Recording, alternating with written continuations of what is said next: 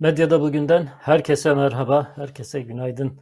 Ee, gene Türkiye gündemiyle, Türkiye'nin medyaya yansıyan medya aynasındaki yansımasıyla birlikte bugün e, medyada bugünü beraber yapacağız. Merak eden ve daha önceki programlarımızdan haber olmayan izleyicilerimiz için tekrar hatırlatayım. Mahmut Bey 3 günlük bir izin kullanıyor. Bir e, seminere katılması bir başka program olduğu için e, bu 3 gün boyunca yani çarşamba yarın da ben olacağım. Ondan sonraki günler yine Mahmut Bey ile birlikte olacağız. Başlarken her zamanki çağrımızı yineleyelim. Çünkü bu yayının daha çok insana ulaşması bizim için önemli. Eminim sizler bizleri çok yakından takip eden, eskinin tabiriyle sadık takipçilerimiz, sadık izleyicilerimiz için de önemlidir. Daha çok insana ulaşabilmemiz için sizin de katkınız gerekiyor. Bu katkı çok basit.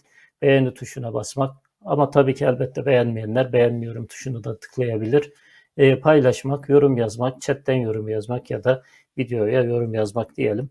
Bu kısa hatırlatmadan sonra e, programımıza başlayalım. E, İzmir'de bir maç oynandı dün. Türkiye'de futbolun e, önemli derbilerinden bir tanesi İzmir derbisi diyoruz. Göztepe Altay arasındaki maçta tam bir facianın eşiğinden dönüldü. O kadar büyük hatalar, o kadar büyük e, yanlışlar yapılıyor ki Hani artık futbol denilen şeyin den insanın sıtkı sıyrılıyor. İllallah ediyorsun. Yani ben Türkiye'deyken de e, hani bir, eskiden maçlara falan giderdim.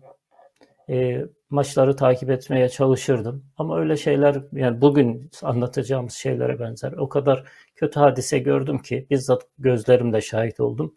Ondan sonra e, maçlardan da soğudum, futboldan da soğudum diyebilirim. İşte bugünkü haber şu. Altay ile Göztepe arasında bir önemli maç var. E, birbirleriyle başından beri e, rekabet halinde hani İzmir derbisi dediğimiz bir maç.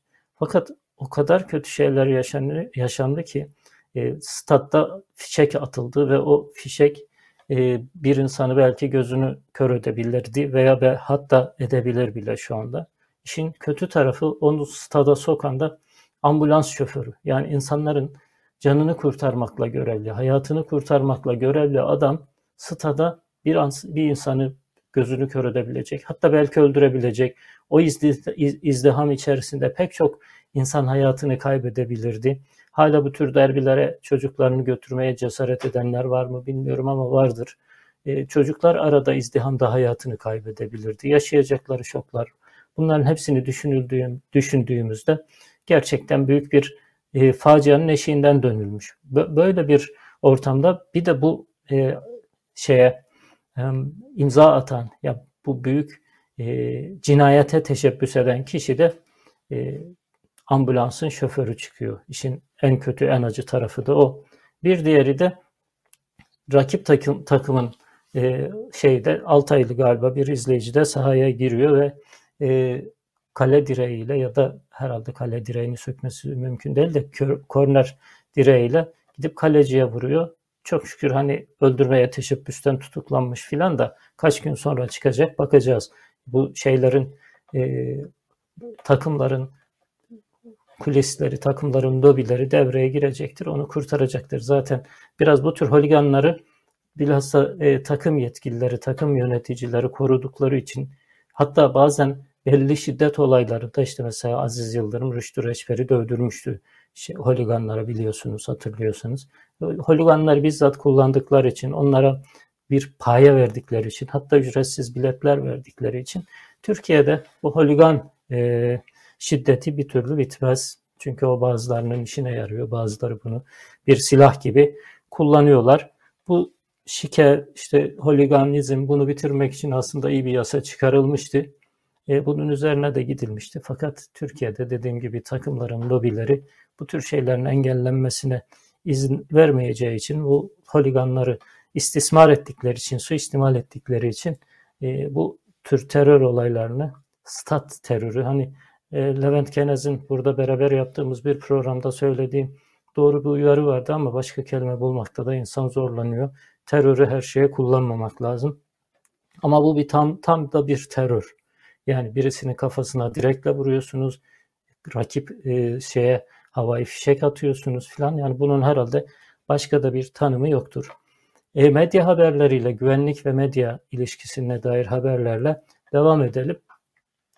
E, dün Nöbetçi Editör programında Adem Yavuz Aslan da ayrıntılı bir biçimde anlattı ama ben yine de medyadaki yansımalarını görmeniz açısından çünkü bugünkü gazetelere ancak yetişebildi. E, o haberi tekrar aldım. Şimdi dün DHKPC'nin Türkiye sorumlusu olduğu iddia edilen bir kişi yakalandı. Gülten Matur. Hürriyet gazetesinden aldım ben haberi. İsterseniz Hürriyet gazetesinin o küpürüne birlikte bakalım. Hürriyet gazetesi diyor ki terör örgütü DHKPC'ye darbe. Türkiye sorumlusu diye alt başlık yapmışlar. Ee, Gülten Matur, MIT ve Emniyet'in ortak operasyonuyla yakalandı.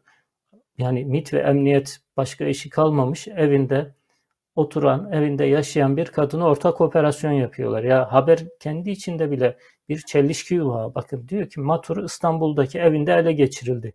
Ya arkadaş bir adamı İstanbul'da kayıtlı, nüfusa kayıtlı olduğu evde ele geçiriyorsunuz ya. O ele geçirmek için MIT'e, işte emniyete, MIT'in emniyetle işbirliğine ihtiyaç mı var ya? Adam zaten nüfusa bildirdiği, devlete bildirdiği kayıtlı adresinde oturuyor. Siz de gidip orada yakalıyorsunuz.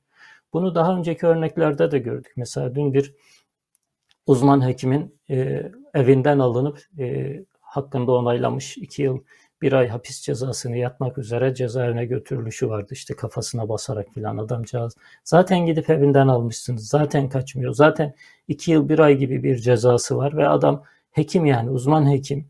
Ee, bir yere kaçacağı göçeceği de yok. Yani terör suçlusu diye adam büyük ihtimalle ya bir bankaya para yatırmıştır ya da bir gazeteye abone olmuştur. Bundan dolayı böyle şov yaparak e, götürüyorsunuz. E, yani hani evinden aldığınız insana ele geçirildi diyorsunuz. Evinden aldığınız insanın e, görüntülerini polis polisin böyle kafasına bastığı, şov yaptığı görüntülerini bütün medyanıza dağıtıyorsunuz. Ne yapıyorsunuz? Kendi kendinizi kandırıyorsunuz. Kendi kendinize hırsız polis oynuyorsunuz. Ama öbür tarafta hepimiz görüyoruz ki e, asıl hırsızlar, asıl teröristler istedikleri gibi e, istedikleri her türlü eylemi, her türlü olayı Türkiye toprakları içerisinde gerçekleştiriyorlar. Bu haberin ilginç tarafı Gülten Matur yani her yıl yakalanıyor desek biraz abartılı olur ama iki yılda bir yakalanıyor. İki yılda bir Türkiye sorumlusu olmak e, suçlamasıyla yakalanıyor. İşte ben Vatan Gazetesi'nin haberini aldım.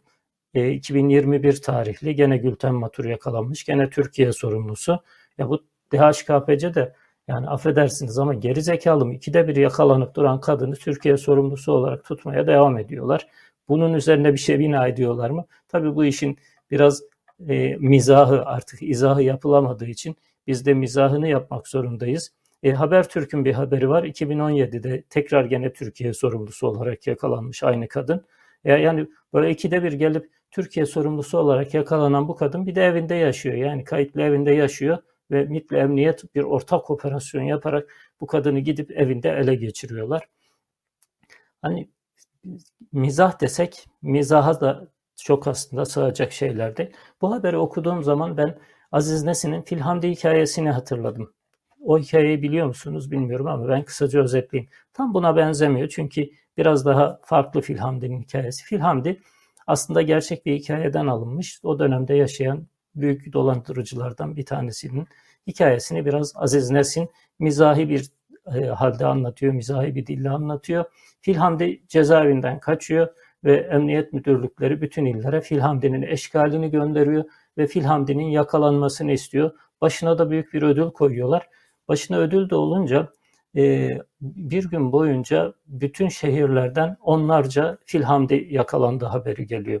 O eşkale uyan, uymayan kim varsa yakalıyorlar ödülü alabilmek için e, merkeze bildiriyorlar. O kadar yoğun bir Filhamdi yakalama mesaisi yaşanıyor ki sonunda gün, günün sonunda emniyet tekrar bir açıklama yapıyor. Diyor ki yeteri miktarda Filhamdi yakalanmıştır. Artık Filhamdi yakalanması işine son veriyoruz. Filhamdi daha fazla Filhamdi yakalamayın. Ben kısaca böyle özetledim. Hikayeyi bulup okuyabilirsiniz. Hani ben bu hikayeyi biraz ona benzettim. Yani kadıncağızı her iki yılda bir yakalayıp Türkiye'nin DHKPC'nin Türkiye sorumlusu olarak yargılıyorlar. Sonra mecbur kalıp serbest bırakıyorlar. Hatta avukatlarının açıklaması vardı. Savcılığın bile örgüt yöneticiliğinden beraatini talep eden mütalası var diyor. Buna rağmen bir de Türkiye sorumlusu olarak kadıncağızı ikide bir yakalayıp duruyorlar. Bir başka yakalama haberi daha doğrusu bir başka emniyet güvenlik haberinden e, söz edelim. Bulgaristan'da Levent Göktaş biliyorsunuz Türkiye'den kaçtıktan sonra Bulgaristan'da yakalanmıştı. Bulgaristan Türkiye'nin Göktaş'ın iade edilmesi talebini reddetmiş. Levent Göktaş kim? E, Ergenekon davalarından da yargılanmış.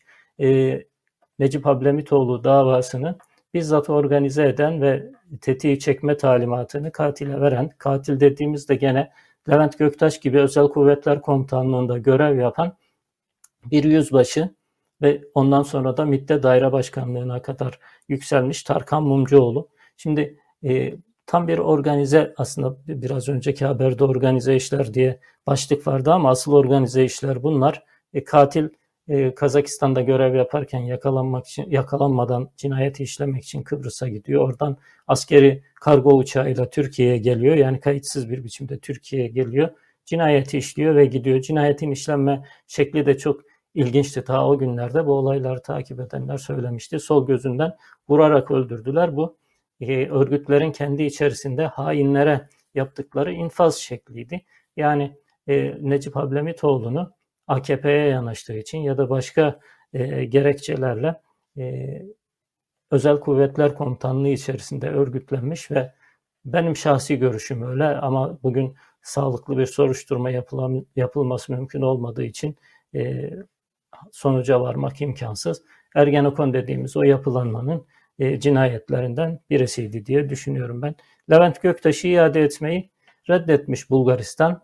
E, düşünün ki e, cinayetini neredeyse yüzde yüz ispat ettiğiniz bir adamı talep ediyorsunuz ve Bulgaristan gibi Avrupa Birliği'nin hani Avrupa Birliği üyesi ama Avrupa Birliği standartlarına yeni yeni uymaya başlayan, yeni yeni o standartları sağlamaya çalışan bir ülke bile sizin bu talebinizi geri çeviriyor, reddediyor. Siz e, bir de kalkıyorsunuz bir Avrupa Avrupa ülkelerinden, pek çok Avrupa ülkesinden, Amerika'dan ya da Kanada'dan bir kısım gazetecileri istiyorsunuz ve delil olarak gönderdiğiniz şey de o gazetecilerin e, Türkiye'de bir gazetede meşru yayınlanan e, devletin kanunlarına göre, anayasaya göre kanun, yayınlanan legal bir biçimde yayınlanan bir gazetede yazdıkları yazıları da delil olarak gönderiyorsunuz ve bu adamları bize verin.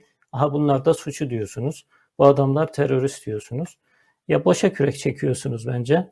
Yani Levent Göktaş'ı bile Bulgaristan bile iade etmiyorsa diğer e, işte öğretmeni talep ettiğiniz ya da gazetecileri talep ettiğiniz demokratik ülkelerin size cevabı sevap vermesi çok mümkün görünmüyor. Biraz ekonomi haberlerine geçelim ama ekonomi haberlerine geçmeden önce dün önemli bir toplantı vardı. Biz de ön haberini burada söylemiştik, e, vermiştik. Anayasa taslağını altılı masa hazırladı. Anayasa taslağında önemli başlıklar var. E, o başlıkları gene hızlıca ben özetleyeyim isterseniz. Benim en çok hoşuma giden cümle şu oldu. Cumhurbaşkanımızın talimatıyla klişesi bitecek. Artık Türkiye'de tek adam yönetimi ortadan kalkacak. Hani Kızılay Başkanı'nı geçen e, depremde eleştirmiştik ya yani deprem için giderken bile Cumhurbaşkanımızın talimatıyla ya Cumhurbaşkanı talimat vermese en mecburi, en doğal işinizi, misyonunuzu bile ifa etmeyecek misiniz? Arkadaş yeter artık bu yalakalıktan bıktık, bıktık demiştik.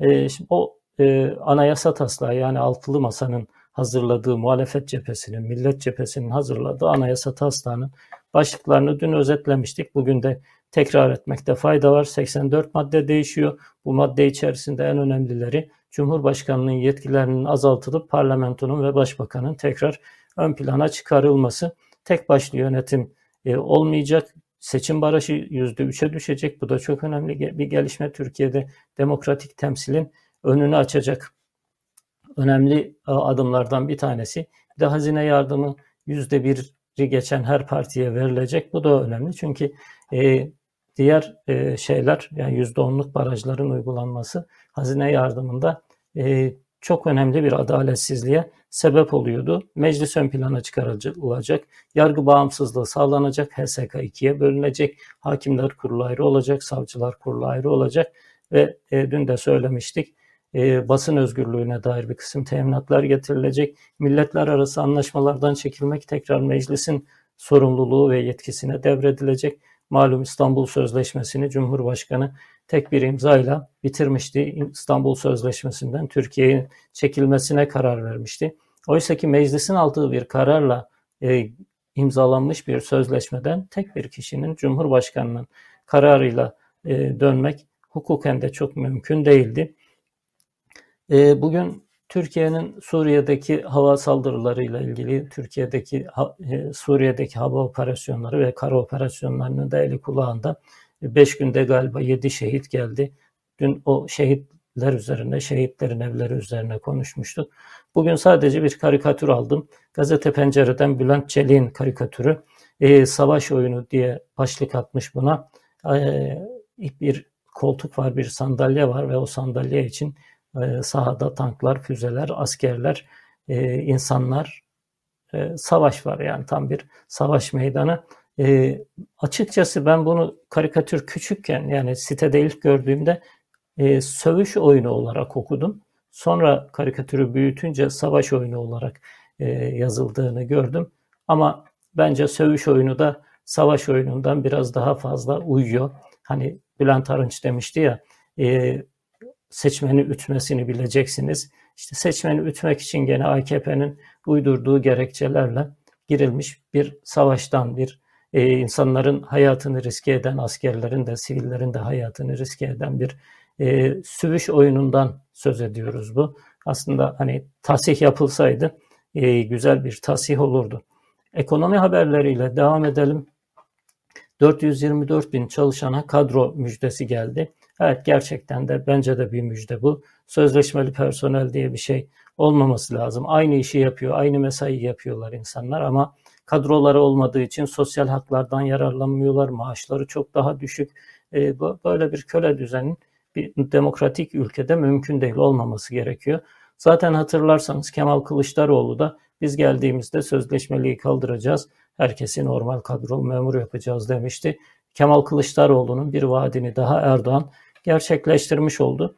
Fakat burada şöyle ilginç bir şey var. 3 artı 1 gibi bir şey. 3 yılını doldurmuş olanlara 1 yıllık bir deneme süreci, staj süreci gibi bir şey koyuyorlar. Aday memurluk süreci koyuyorlar. Bu süre içerisinde kimi me şeye memurluğa alacaklar, kimi kadroya alacaklar ve bu süre zarfında da seçimi geçmiş olacağız. Ondan sonra bu sözü tutarlar mı? Bu e, söz verdikleri 424 bin kişinin tamamını kadroya alırlar mı? Yoksa siz adaylık sürecinde başarılı olamadınız deyip tekrar geriye iterler mi? Onu da bilmiyorum. Olayın bir boyutu bu. Diğer boyutu da şu. E, Türkiye ekonomisi aslında bu kadar büyük harcamaları kaldırabilecek bir ekonomi değil. Ne yazık ki değil. Evet bu sözleşmeli personelin hakkı ama bunun kaynağını hükümet nereden bulacak, devlet nereden bulacak?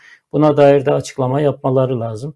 Erdoğan seçimi kazanabilmek için bol keseden e, şey yapıyor, e, bir şeyler dağıtıyor ama o dağıttığı şeylerin kaynağını ne zaman bulacak, nereden bulacak bilmiyoruz. Bulamayacağının göstergelerinden bir tanesi de bugün dış ticaret verileri açıklandı. Dış ticaret açığı yıllık bazda %421 oranında arttı. Bakın hani biz yeni bir ekonomik modele geçtik ya bu ekonomik modelde ihraç ederek büyüyecektik ya hani bu masalı hatırlıyorsunuzdur. Geçen yıl Aralık ayında açıklanmış yerli ve milli ekonomik modelimiz buydu.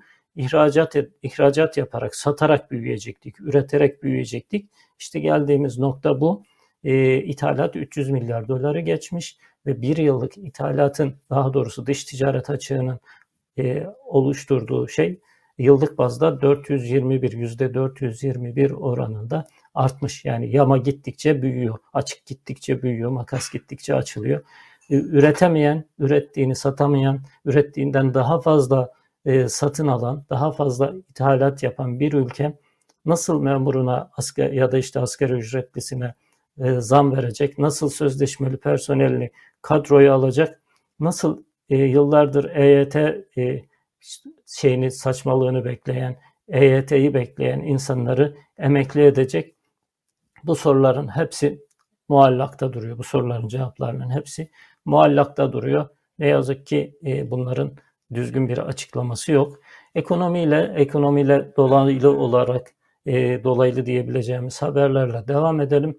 E, bir Ankara Büyükşehir Belediyesi haberi çok alışık olduğumuz haberlerden bir tanesi. Mansur Yavaş Gökçek dönemine göre kat be kat daha ucuz aldı diye Cumhuriyet Gazetesi haberi veriyor. Kat be kat daha ucuz aldığı dediği e, yurt dışında Melih Gökçek'in satın aldığı bitkiler e, yerli üreticiden alınmış ve nasıl alınmış? Bakın 2016'da 119.434 liraya alınan aynı bitki e, yerli üreticiden 2019'da 1396 TL'ye alınmış. Yani neredeyse 10 kat daha ucuza alınmış. Onda biri fiyatına alınmış. Dokuzda biri fiyatına alınmış. Ra- rakamları tekrar okuyayım. Siz de inanamayacaksınız. Ben çünkü ilk okuduğumda inanamamıştım. 2016'da 119 bin lira neredeyse 120 bin lira 2016'da affedersiniz. 2019'da e, 1396 lira. 120 bin lira nere? 1300 lira nere? Aradaki fark nereye gidiyordu? Aradaki fark ne oluyordu? E, Melik Gökçek'in ve çocuklarının mal varlığına dönüp bakarsanız e, kurdukları televizyonlara, Ankara'daki e, mülklerine bakarsanız nereye gittiğini çok rahatlıkla görebilirsiniz. Bir başka ekonomi haberi aynı zamanda bir gıda haberi de diyebiliriz. Ete zam işlediler. İşlenmiş et, e, te gelen zamlarla ilgili Türkiye Gazetesi'nin bir manşeti 300 gram etle hazırlanmış sucuk 350 lira diyor. Et durdu, sucuk uçtu. Şimdi e, şöyle bir kıyaslama yapabilirsiniz. Bakın aynı sucuğu bir Avrupa ülkesinde yaklaşık benim bildiğim, benim gördüğüm Avrupa ülkelerinde şimdi 300, 350 liraya Türkiye'de aldığınız sucuğu başka bir Avrupa ülkesinde 150 TL'ye bakın oranın parasını da söylemiyorum. 150 TL'ye falan alabiliyorsunuz. Ben bizzat tecrübemi rahatlıkla söyleyebilirim.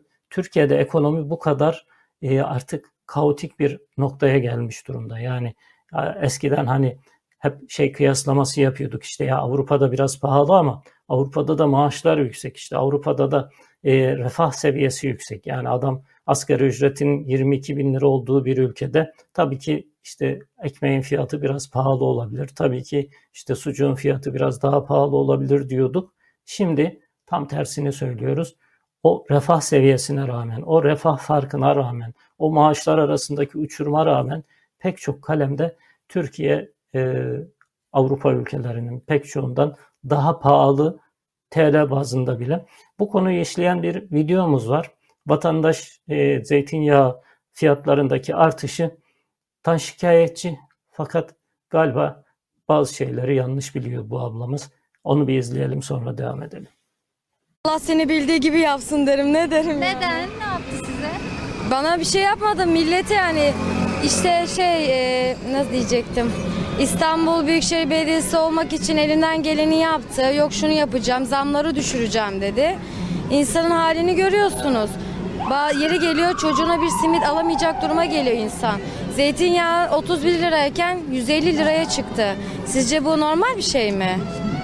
Teşekkür ederim sağ olun. Yani İmamoğlu'nu hiçbir şekilde tutmuyorum. Cumhurbaşkanı bile olsa oyum ona asla ve asla vermem yani. Teşekkür ederim sağ olun. Tayyip Erdoğan her şekilde.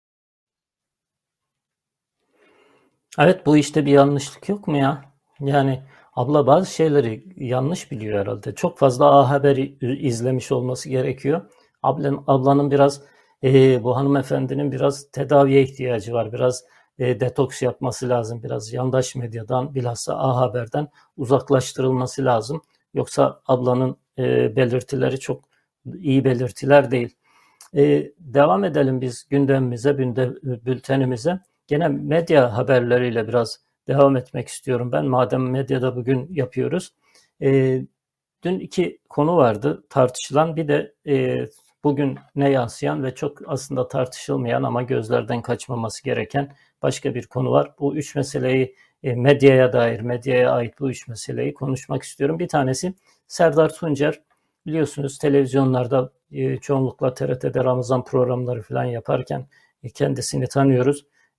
Daha çok okuduğu şiirlerle, şiir okuduğu kliplerle falan da kamuoyunda çok biliniyor.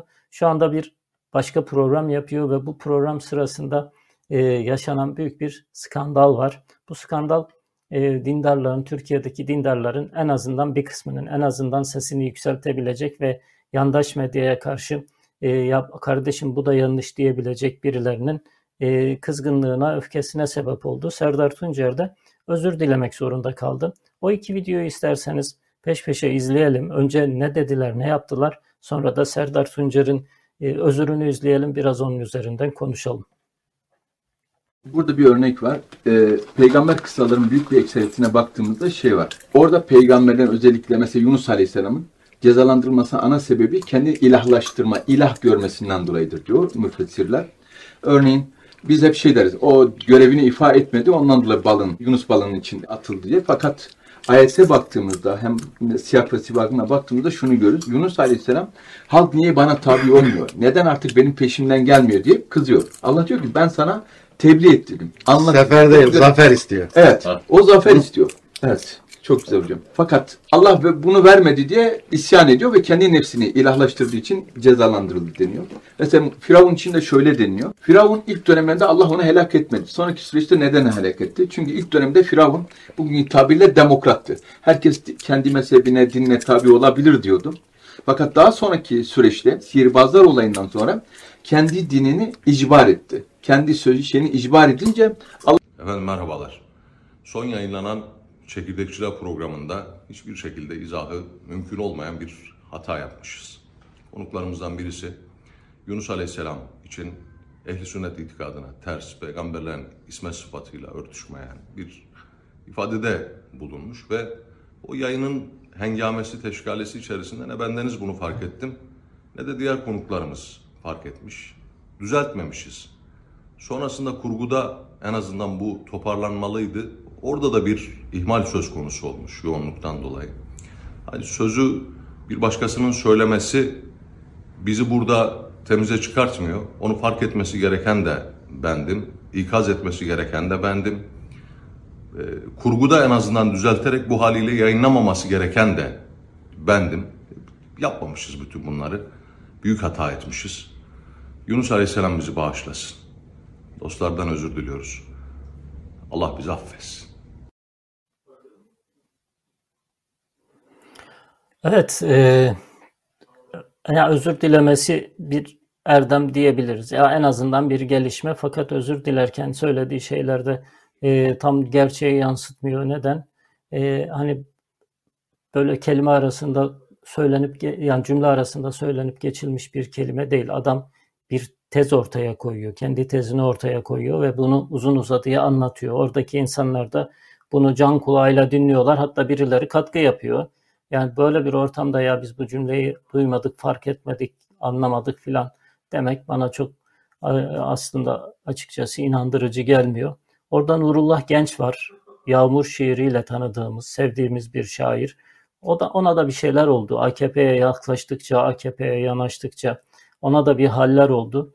E, bugün asistanı vasıtasıyla bir açıklama yapmış. O da diyor ki işte hocamız zaten kaslarından dolayı bir tedavi görüyordu. Çok e, sıkıntılı bir tedavi süreci ve bu süreç devam ediyor. O programa da o e, tedavi devam ederken katıldığı için hani özür de dilemiyor ama ya hastalığından dolayı bazı şeyleri anlamadı mı demeye getiriyor asistanı. Tam ben e, ne demek istediğini anlayamadım ama e, Nurullah Genç'i bu hallerde görmek herkesin içini acıttı e, diyebiliriz. E, bugün izleyici sayımız çok az. Ben de mesajı onu yazıyordum. E, video bitti. Mahmut Bey'in yokluğundan mıdır acaba nedir? Mahmut Bey yoksa biz bu programı seyretmeyeceğiz mi demek istiyorsunuz? Ne diyorsunuz sevgili izleyicilerimiz? Bakın e, gerçekten bugüne kadarki en az izleyici sayı, sayısı diyebileceğimiz bir noktadayız. 380 kişi sadece şu anda yayın izliyor. E, ben mesajımı tamamlayayım. İsterseniz öyle devam edeyim. E, çünkü insanlar en azından görüşlerini belirtsinler. Neden bu kadar az izleyici e, olduğu konusunda evet mesajımızı yazdık. E, programımıza devam edelim.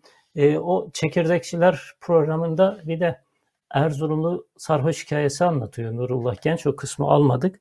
Bu Erzurumlu sarhoş hikayesini ben de çocukken çok dinledim. Birçok versiyonu var. Herkes kendisine göre anlatıyor.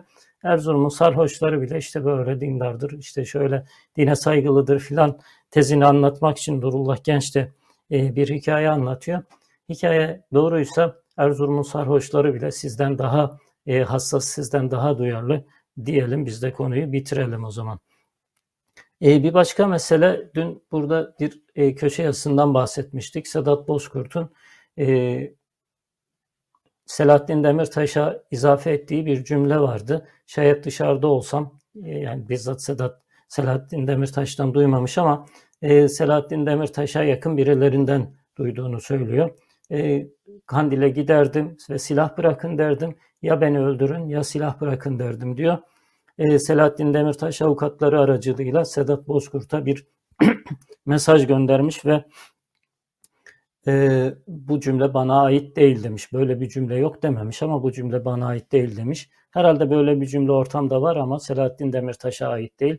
E, Sedat Bozkurt e, açıklamayı yayınladığı için biz de o haberi dün burada o köşe yazısından burada bahsettiğimiz için biz de o e, açıklamayı burada e, tekrarlamayı bir görev biliyoruz. Yanlış anlamaya ya da yanlış bir habere zemin hazırlamamak için. Medya ile ilgili bir başka haber de şu. E, Yeni Asya gazetesi Tunç Soyer'le görüşmüş. Yeni Asya gazetesinden bir heyet Tunç Soyer'i. Tunç Soyer kim? İzmir Büyükşehir Belediye Başkanı. Yani İzmir'de yanlış bilmiyorsam %60 civarlarında oyla seçilmiş belediye başkanından söz ediyoruz. Bu ziyaretten dolayı hem e, fanatik Kemalizmin fanatik kızıl ve yeşil tonları diyor e, Kazım Kazım Güleç Yüz, Yeni Asya yayın yönetmeni. Kemalizmin yeşil ve kızıl tonlarından ben şunu anlıyorum. Hem işte CHP'liler hem de bu vesileyle bunu fırsata dönüştürerek siyasal İslamcılar, AKP'liler e, saldırıya geçmişler. E, zaten onlarda bir kuyruk acısı var aslında Yeni Asya'ya karşı. Çünkü Yeni Asya e, bu hukuksuz ortamda Erdoğan rejimine destek vermeyen, biat etmeyen cemaatlerden ya da e, sosyal yapılardan bir tanesi olarak e, hala direniyor. Pek çok e, müeyyideye muhatap oldular. Risale-i Nur basma hakların ellerinden alınmaya çalışıldı. Basın ilan kurumu e, reklamlarını vermiyorlar. Hak ettikleri reklamları almaları gereken ilanları alamıyorlar. Başka başka baskılar, başka başka tutuklama ve gözaltı tehditleri var. Aralarından bazıları tutuklandı, cezaevinde kaldı. Buna rağmen geri adım atmadılar. Buna rağmen Erdoğan rejimine biat etmediler. Bu zulümlere ortak olmadılar. Ondan dolayı bir öfkeleri var ve o öfkeyi her fırsat buldukça siyasal İslamcılar da kusuyor. İşte ben şeyi de aldım. E, bu tepkiye sebep olan yani hem yeşil kemalistler hem kızıl kemalistlerin tepkisine sebep olan haberde basit bir ziyaret haberi. Yani İzmir Büyükşehir Belediye Başkanı'na ziyaret etmişler. Bunu da zaten sayfalarında yer vermişler. Ee, bir gazetelerini götürmüşler, bazı kitaplarını götürmüşler. Bütün şey mesele bu. Ee, bir diğer haber dün tartışılan medyadan tartışılan e, Yeni Asya gazetesinin haberi. E, Yeni Asya, gaz- affedersiniz Yeni Şafak gazetesi e, Erdoğan'dan darbeci diye söz etti. E, Mısır ile görüşmeler genişleyecek, genişleyerek devam edecek açıklaması. Darbeci Cumhurbaşkanı Erdoğan, Katar'da Mısır lideri Sisi ile yaptığı görüşmenin detaylarını anlattı. Hani e, öyle bir hata yapmışlar ki belki uzun süredir yazdıkları tek doğru cümle bu.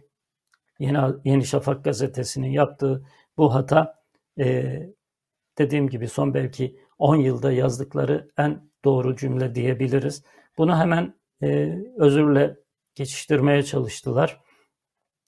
E, teknik bir hata olduğunu söylediler. Hani pek çok insan da teknik hatanın böyle olmayacağını, hani e, kelime hatası olabilir, kelimelerin yeri değişebilir filan ama yani bu çok doğru, anlamlı bir cümle. Ama şunu söylemem lazım hakkaniyet açısından. E, açıklamalarına baktıkla, baktığımda ben bunun e, doğru bir açıklama olduğunu düşünüyorum. Çünkü yıllarca yazı işlerinde gazete hazırlamış bir kişi olarak söyledikleri şey şu. e, başta darbeci kelimesi ve bir cümle vardı. Şey, e, taşra baskılarında, şehir baskılarında haberi güncellerken haberin puntosunu, karakterini, büyüklüğünü tekrar belirlememek için sayfadaki ilk kelime e, sayfada bırakıldı. Diğer gelecek haber, haber yeni haber şey onun yanına yapıştırıldı. Normal şartlarda birinci cümlenin e, koparılması, birinci cümlenin silinmesi gerekiyordu ama sehven o cümleyi, daha doğrusu o kelimeyi, darbeci kelimesini e, silmeyi unutmuşuz. Ondan dolayı özür diliyoruz diyorlar. Bazıları bu şeyin e, sayfa sekreterinin işten çıkarıldığını filan da söylüyor. Ne kadar doğru bilmiyoruz ama e, darbeci Cumhurbaşkanı Erdoğan hani cümlenin gelişi filan da aslında sorunlu. Normal bir editör gözüyle baktığınızda bir haber böyle başlamaması gerekiyor. E, ama yaptıkları açıklama biraz doğru gibi geliyor bana. Fakat yazdıkları, yaptıkları açıklamadan daha doğru. E, Akit'ten bir haber var. E, üniversitelerle ilgili, Türkiye'deki üniversite e, kalitesiyle ilgili bir haber. Akit gazetesi demeyeceğim çünkü Akit'i bir gazete olarak görmediğimi daha önce defalarca burada dile getirmiştim. E, Türkiye 118 üniversitemiz ilk 3000'de. Böyle bir tanımlama, böyle bir tasnif ilk defa duyuyorum. yani genelde üniversitelerle ilgili şöyle denir işte ilk onda iki üniversite var. İlk onda beş üniversitesi var mesela Amerika ya da Çin ile ilgili ya da Almanya ile ilgili böyle cümleler kuruluyor. İlk onda iki üniversitesi var, üç üniversitesi var. Onu geçtik. İlk 50 diye bir tasnif biliyorum. İlk 100 diye bir tasnif var. İlk 500 diye hatta bir tasnif var. Bunların hiçbirisinde Türkiye yok.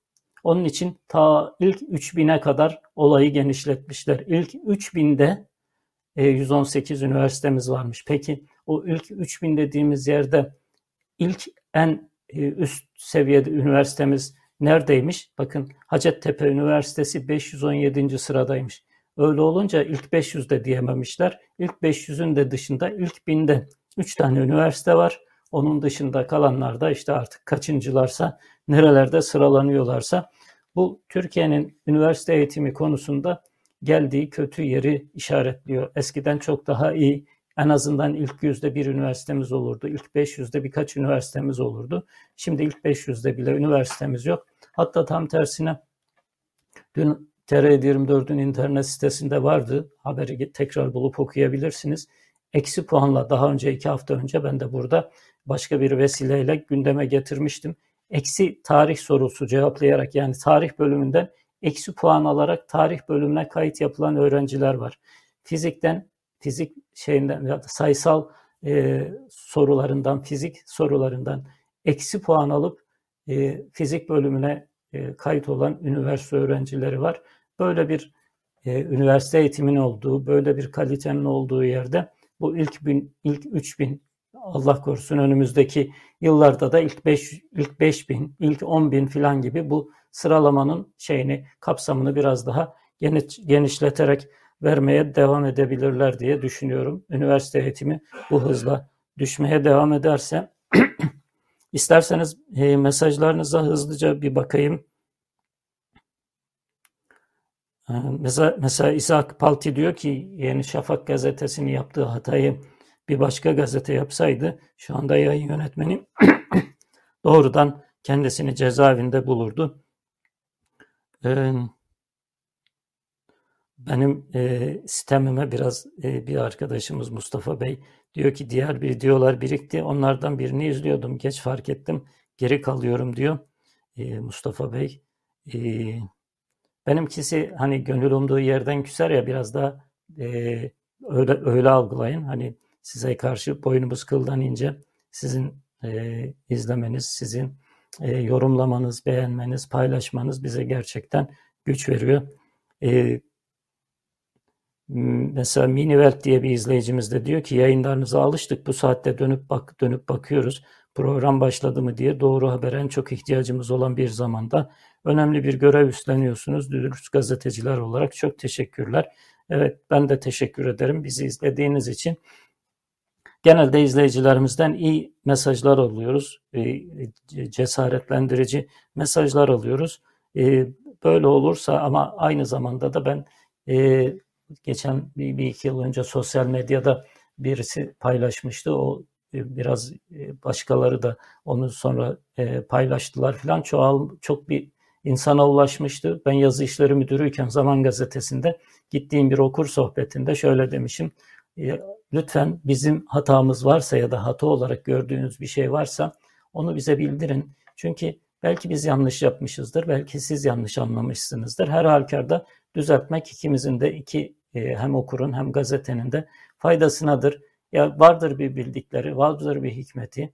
E, böyle yaptılarsa muhakkak doğrudur gibi düşünmeyin. E, varsa Zaman Gazetesi ile ilgili gördüğünüz hatalar lütfen onu benim mail adresim, mail adresimi vermiştim. Mail adresime bildirin. E, ben muhakkak size dönüş yapacağım demiştim ve gerçekten de dönüyordum. Aynı şeyi şimdi de söyleyeyim. Evet cesaretlendirici, övücü mesajlarınız çok güzel. Ama lütfen gördüğünüz hatalar, eksikler e, ya da açılımlar yani şöyle yapsanız daha iyi olur diyebileceğiniz mesajlar varsa lütfen onları da esirgemeyin. E, bugünlük e, programımızı da burada bitiriyoruz. Yarın yine ben tek başıma olacağım inşallah.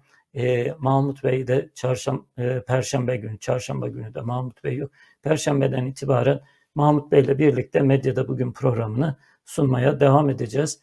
E, tekrar beni izlediğiniz için teşekkür ediyorum. Beğeniler yaptığınız, yorumlar yazdığınız, paylaştığınız için, kanalımıza abone olduğunuz için ve bildirimleri açtığınız için hepinize teşekkür ediyorum. Yarın aynı saatte görüşmek üzere. Hoşçakalın.